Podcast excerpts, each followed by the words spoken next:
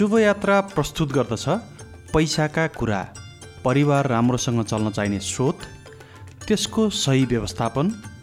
खर्च र बचतका कुरा। समग्र रूपमा पैसाका कुरा।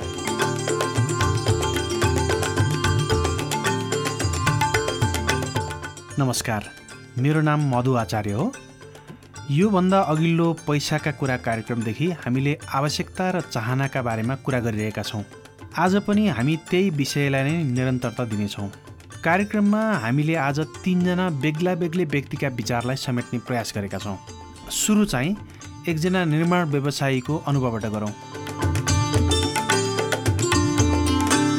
सिन्धुपाल्चोकका मिलन थापा अहिले काठमाडौँको कपन बालुवा खानीमा बस्नुहुन्छ। केही वर्ष नेपाली सेनामा काम गरेर अवकाश लिएपछि मिलन हिजो आज हार्डवेयर सम्बन्धी काममा व्यस्त हुनुहुन्छ। नोकरीको तलबले मात्र खर्च धान्न नसक्ने भएपछि जागिर छोड्ने निर्णय गर्दा उहाँका बाबुआमा त्यति सहमत हुनुहुन्थेन। भन्न त भन्नुहुन्थ्यो बुवा मम्मीहरूले अब जागिर नछोड सरकारी जागिर हो भनेर भन्नुहुन्थ्यो। कस्तो हुन्छ भने नेपाल आर्मीमा भनेको आफूभन्दा ठुलो अफसरले जे भन्यो त्यही मान्नुपर्छ। उनीहरूको साँचोमा हिँड्ने हो हामी। उनीहरूले लिड गर्छ हामी शान्तिनो मान्छे त्यस्तैमा हिँडिन्छ। अब ठुलो पोस्टमा खानलाई पढाइ छैन योग्यता छैन।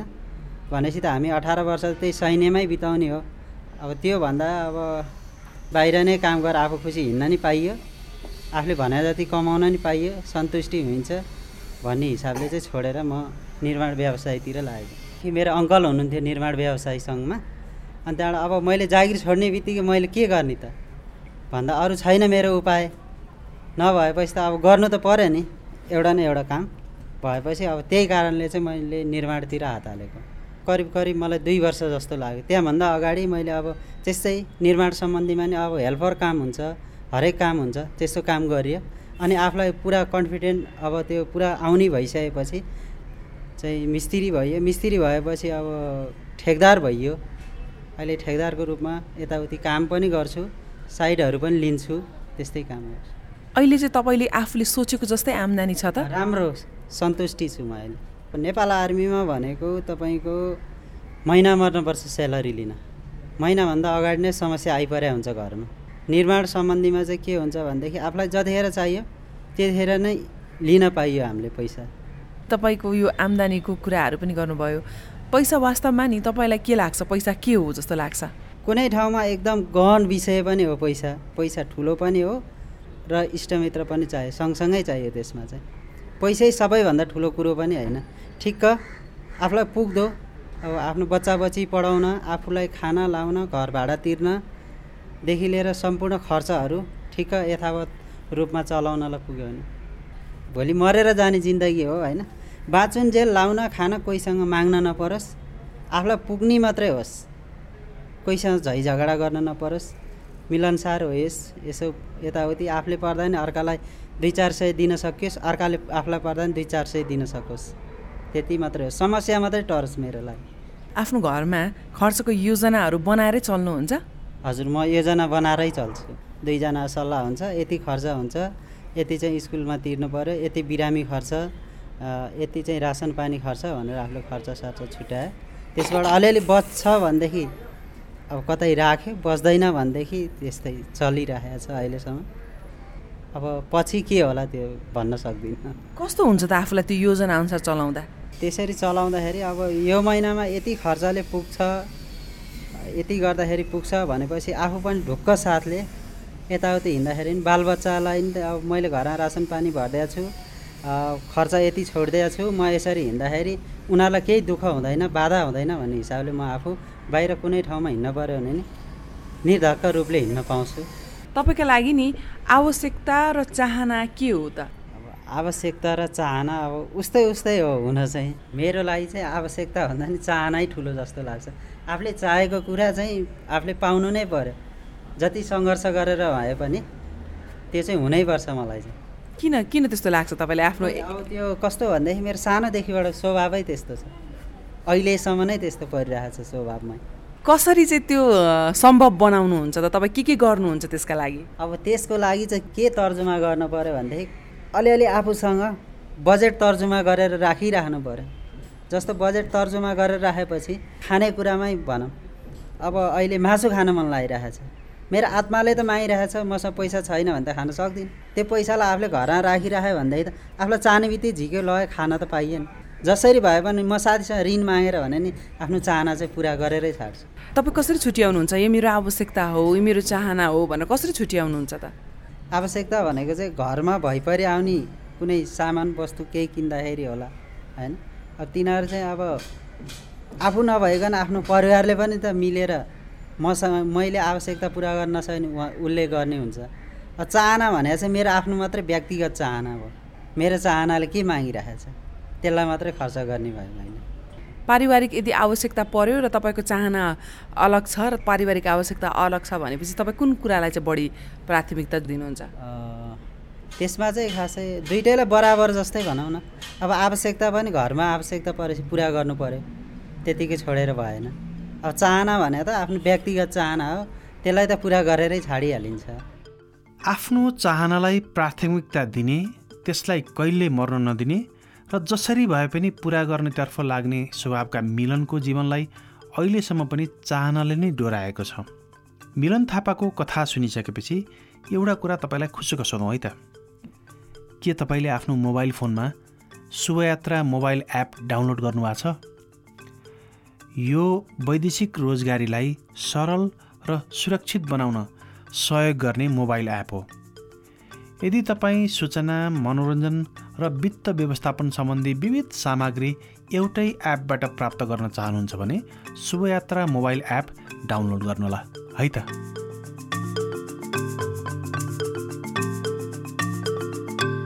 अब चाहिँ कार्यक्रमको विषयवस्तुतिरै फर्कौँ। तपाईँको जीवनलाई कुन कुराले डोराएको छ त? आवश्यकता या चाहना?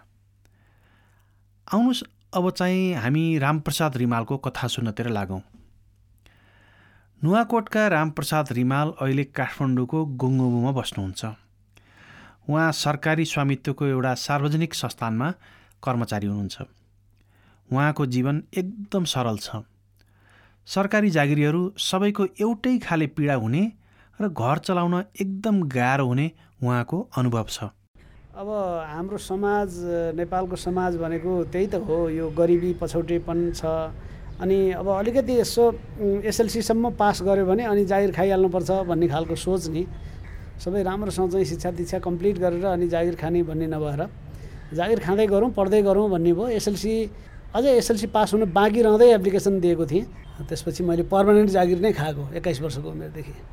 त्यो बेला चाहिँ अब यो जागिर खाने भने एउटा यो मान्छेको चाहिँ रहर इच्छा पनि हो। जागिर खाएपछि ल यो त सरकारी जागिरै भयो यो कर्मचारी भयो भने समाज पनि अलिक फरक हुन्छ नि त। अनि अब जीवन निर्वाह गर्नको लागि पनि त्यसले मद्दत गर्ने होइन भने त हामी त कोदालै खन्ने हो।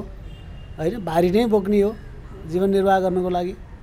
भारी नै बोक्ने कोदालो नै खन्ने समाजको बिचबाट जागिर खाँदा चाहिँ अलिकति सुकिलो मुकिलो हुने होइन? अलि अलि सुखी चाहिँ पेसा भन्ने नि हाम्रो समाजले त्यसरी भन्ने। सुखी दुखी त कति छ त्यो आफ्नै ठाउँमा छ। कहिले यस्तो पैसाको कारणले गर्दा एकदम अप्ठ्यारो परेको स्थितिहरू? होइन। त्यस्तो अप्ठ्याराहरू त धेरै नै आए होलान्। कुनै बेला छोराछोरीको चाहिँ अब एक्जाम आइराखेको छ फी नतिर्यो भनेदेखि चाहिँ एक्जाम दिन नपाउने त्यस्तो स्थितिहरू पनि भयो। बिरामी परेको छ। घरमा एक हजार रुपियाँ पनि भएन। हस्पिटल जानुपर्ने। त्यस्तो अवस्था पनि आइपऱ्यो। कसैसँग खोजेरै याचना गरेरै हस्पिटल जानुपर्ने खालको अवस्थाहरू पनि पऱ्यो। चल्ते चल्ता रहे भनेर भने जस्तै त्यस्तो किसिमको रह्यो क्या मेरो चाहिँ।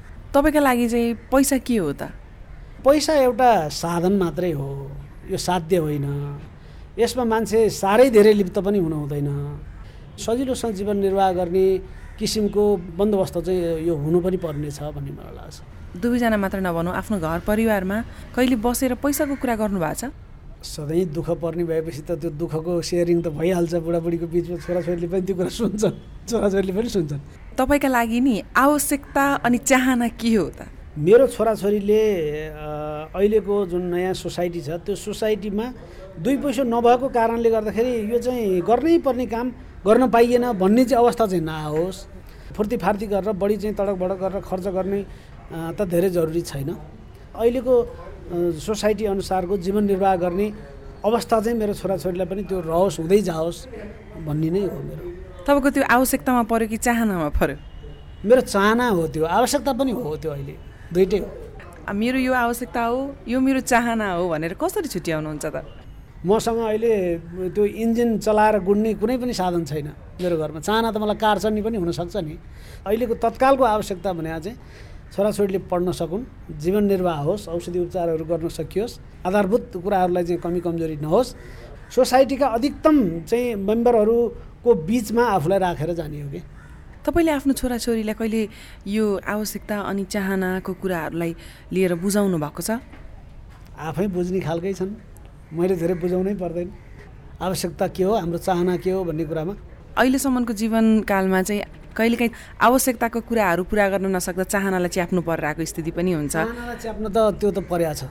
साना ठुला चाहना हुन्छ नि ती चाहनाहरूलाई च्याप्नु पर्ने अवस्था चाहिँ हाम्रो सोसाइटी हाम्रो लिभिङ स्ट्यान्डर्डमा मलाई मात्रै होइन त्यो धेरैलाई त्यो हुन्छ जस्तो लाग्छ। तपाईँले च्याप्नु परेको कुन कुराहरू त्यस्तो छ भनिदिनुहोस् न। होइन मलाई काठमाडौँमा अहिले बसिराखेको भन्दा अलि राम्रो सुविधायुक्त बङ्गलाको चाहना थियो होला।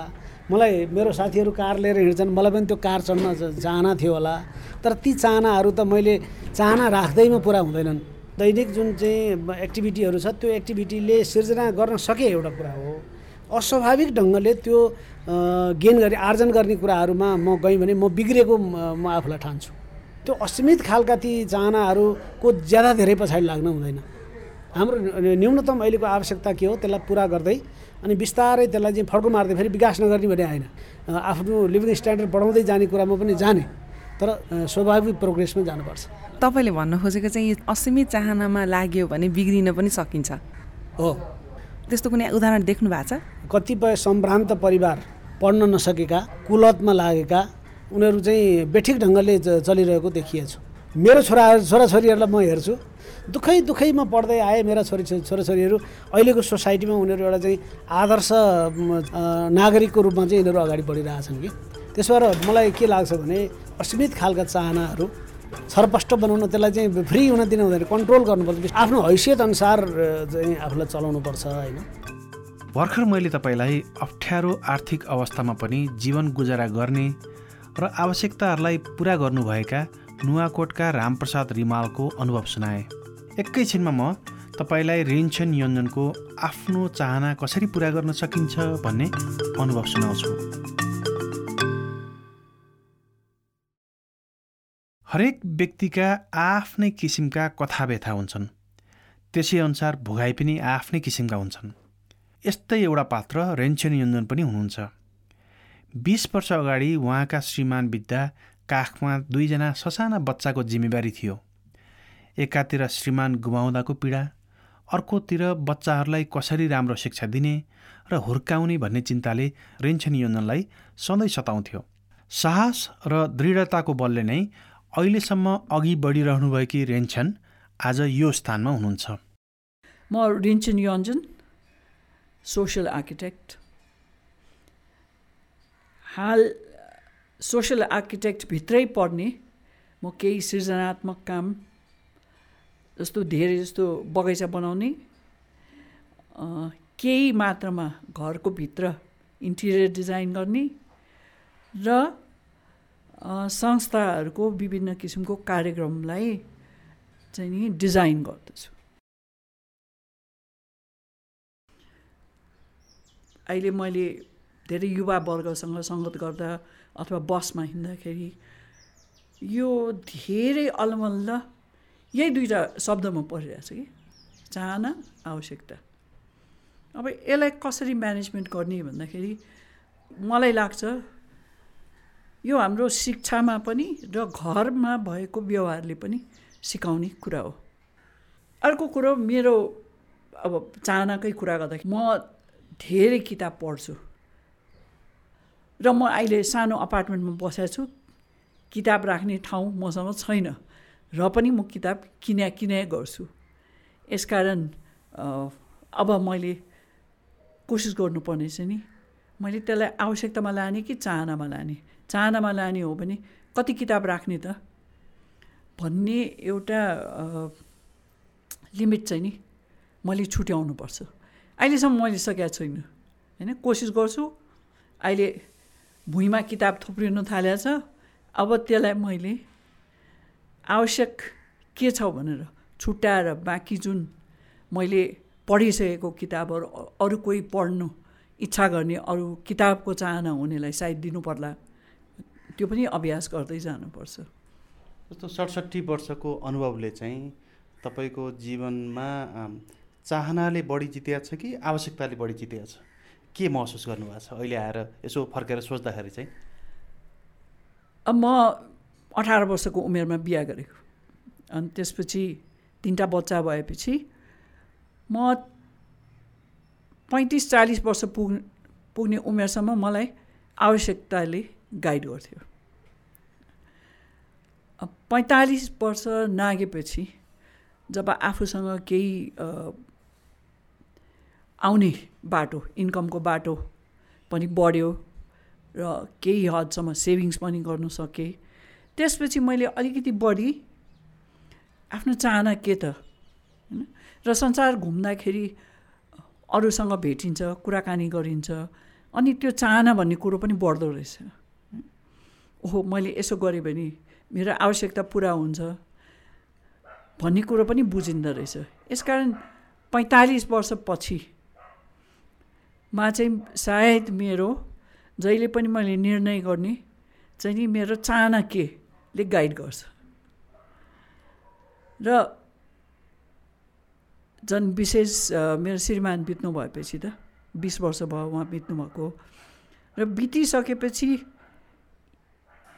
एक्लो जीवनमा पनि मैले रमाउनु सक्छु भन्ने जुन आँट थियो ममा त्यसले गर्दाखेरि पनि सायद चाहनाले जित्या छ अहिले। तर यो होइन कि चाहना भएर अनावश्यक खर्च गर्ने अथवा अनावश्यक कुराहरूमा लाग्ने म रात दिन होटलमा जानुपर्ने पार्टीमा जानुपर्ने त्यो पनि छैन। यस कारण मेरो चाहना के हुन्छ भनेदेखिलाई बढी मैले किताब पढ्ने होइन सङ्गीत सुन्छु धेरै जस्तो मेरो चाहना भनेको चाहिँ नि यात्रामै खर्च हुन्छ। समय पनि पैसा पनि। जस्तो पहिला चालिस पैँतालिस वर्ष अगाडि चाहिँ आवश्यकताको पछाडि कुदिन्थ्यो त्यसपछि चाहिँ चाहनाको। जस्तो आवश्यकताको पछाडि कुद्दाखेरि पनि दुविधाहरू यो गर्ने कि त्यो गर्ने भन्ने हुन्थ्यो होला। अनि पछाडि चाहिँ चाहनाहरू गर्दाखेरि यो चाहना कि त्यो चाहना भन्ने रोज्नुपर्ने बाध्यता हुन्थ्यो होला। केही उदाहरणहरू छन्? विवाहित जीवनमा भनौँ न अठार वर्षको उमेरदेखि चालिससम्म भनौँ न होइन छोरछोरीहरू सानै थिए स्कुल जानुपर्ने कलेज जानुपर्ने यस कारण आवश्यकता भनेको प्राथमिकता परिवारलाई दिइन्छ होइन र मैले धेरै अवसर पाएको थिएँ जस्तो अमेरिका र क्यानाडाको दुईवटा ठुल्ठुलो बिजनेस हाउसले मलाई उहाँहरूको हेड अफ मार्केटिङ भनेर any salary any terms conditions anything you want भनेर मलाई अफर गर्नुभएको थियो। त्यस्तो अवसर मैले गुमाउनु पऱ्यो किनभने मेरो श्रीमान अति नेपाललाई माया गर्ने र नेपालबाट बाहिर नजाने भन्ने उहाँको जुन अडान थियो त्यसले गर्दाखेरि त्यो बेला मैले निर्णय गर्दाखेरि उहाँ दुईजना जसले मलाई जब अफर गर्नुभएको थियो मैले के भन्ने थिएँ भने होइन म एउटा सानो पोखरीमा बसेर ठुलो माछा हुनु चाहन्छु। अमेरिका र क्यानाडाको त्यो ठुलो पोखरीमा गएर म अल्मा लाउने काम गर्दिनँ भनेर त्यति बेला जानी नजानी मैले निर्णय गरेँ। अब एउटा त आवश्यकता पारिवारिक आवश्य आवश्यकताले गर्दा। तर अहिले फर्केर हेर्दाखेरि जुन किसिमको मैले समाजमा आफ्नो एउटा चिनारी बसाल्नु सकेको छु नि त्यो एउटा निर्णयले गर्दाखेरि राम्रो भएको छ। अब चाहनाकै कुरा गर्दाखेरि जब मेरो श्रीमान बित्नुभयो त्यसपछि मैले निर्णय लिनको निम्ति मलाई के गरौँ त्यसपछि? किनभने हामी दुईजनाले सँगै धेरै कामहरू प्लान गरेका थियौँ तर त्यो नहुने भएपछि अब मैले एक्लो भएर म के गरेर बाँच्न चाहन्छु भनेर सोच्नको निम्ति म अमेरिकामा गएर पाँच महिना बसेँ लस एन्जलसमा। तर मैले यस्तो ठाउँ रोजेँ जहाँ मैले कसैलाई चिनेको थिइनँ। त्यो ठाउँमा रिन्चिन योन्जन भनेको को हो भनेर कसैले चिनेको थिइनँ त्यो मैले एउटा आवश्यकता महसुस गरेर मैले पाँच महिना लस एन्जलसको एउटा सानो टार्जाना भन्ने ठाउँमा बसेँ। र एउटा नयाँ अनुभव के गरेँ भनेदेखिलाई जुन मैले अठार वर्षमा बिहा गरेर मैले कलेज लाइफको रमाइलो मिस आउट गरेको थिएँ नि त्यो पाँच महिनामा चाहिँ मैले त्यो कलेज लाइफको अनुभव गरेँ। कसरी भन्दाखेरि त्यो ठाउँमा कसैले पनि चिनेको थिएन। यस कारण मैले जे गरेँ पनि पनि म स्वतन्त्र थिएँ। अब नेपालको समाजमा ओहो गोपालञ्जनको श्रीमती हेर्नु त कसरी हिँडेको? भन्ने त्यो टोकाइ केही थिएन समाजबाट। म एउटा कोठा लिएर बसेँ एउटा नयाँ त्यो कलेज लाइफको सुरुवात गरे जस्तो। गएर मलाई आनन्द लाग्ने। सबभन्दा मैले पहिला अमेरिकामा किनेको एउटा भाले छ है?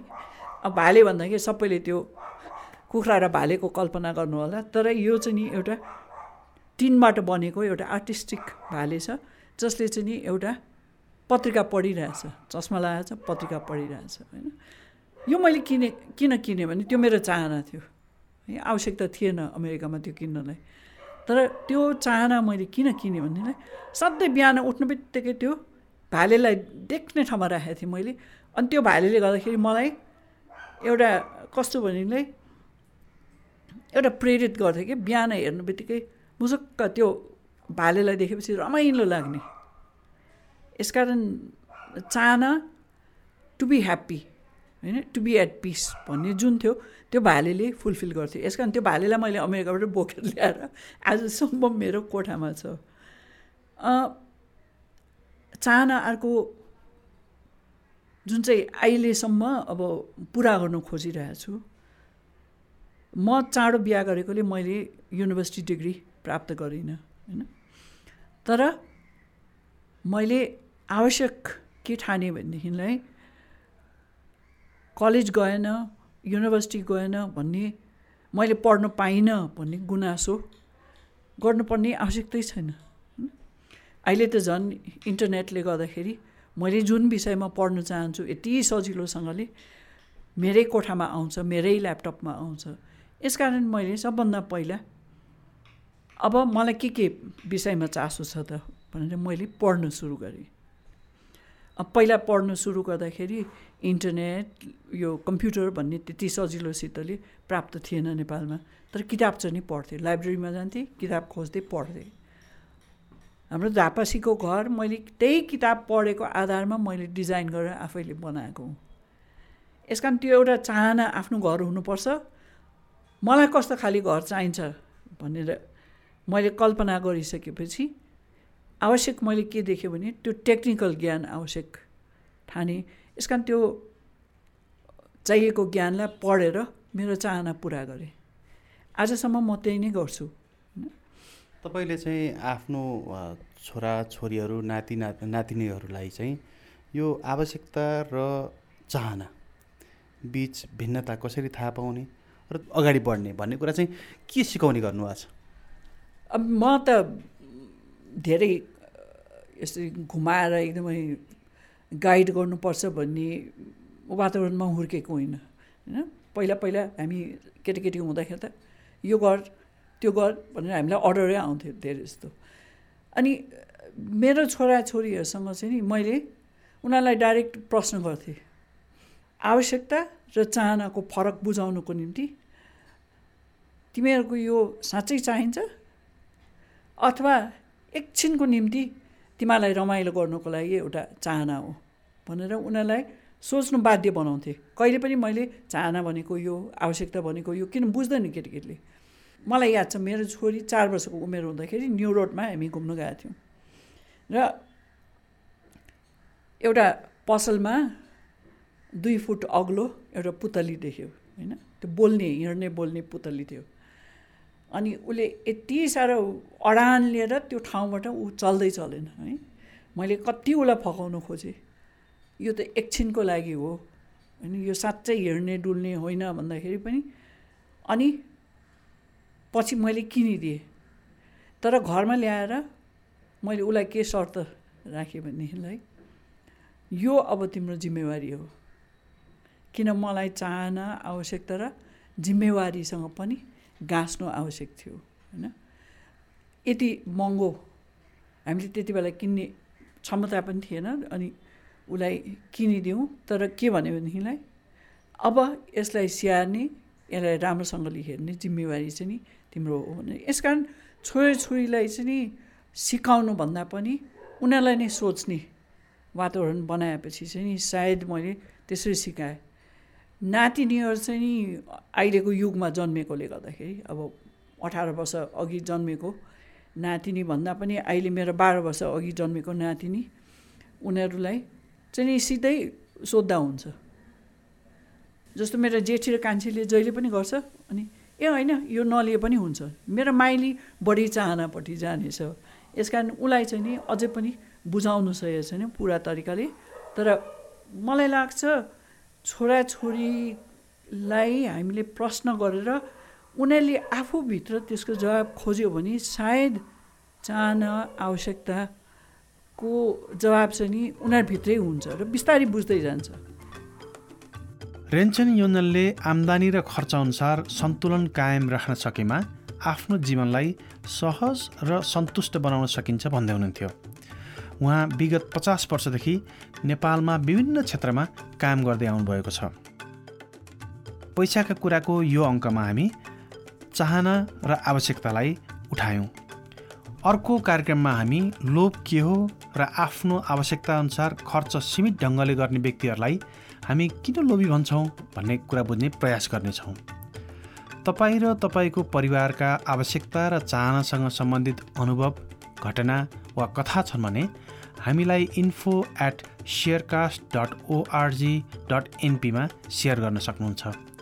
त्यस्तै भाइबरमा अन्ठानब्बे छ चौवालिस पचहत्तर छैसठी शून्यमा भाइबर अथवा वाट्सएप मेसेज पनि छोड्न सक्नुहुन्छ। हस् त आजलाई पैसाका कुराबाट प्रीति स्वार प्रकाश लामिछाने उदय घिमिरे र म प्रस्तुता मधु आचार्यलाई पनि बिदा दिनुहोस्। नमस्कार। अर्को कार्यक्रममा अवश्य भेटौँला।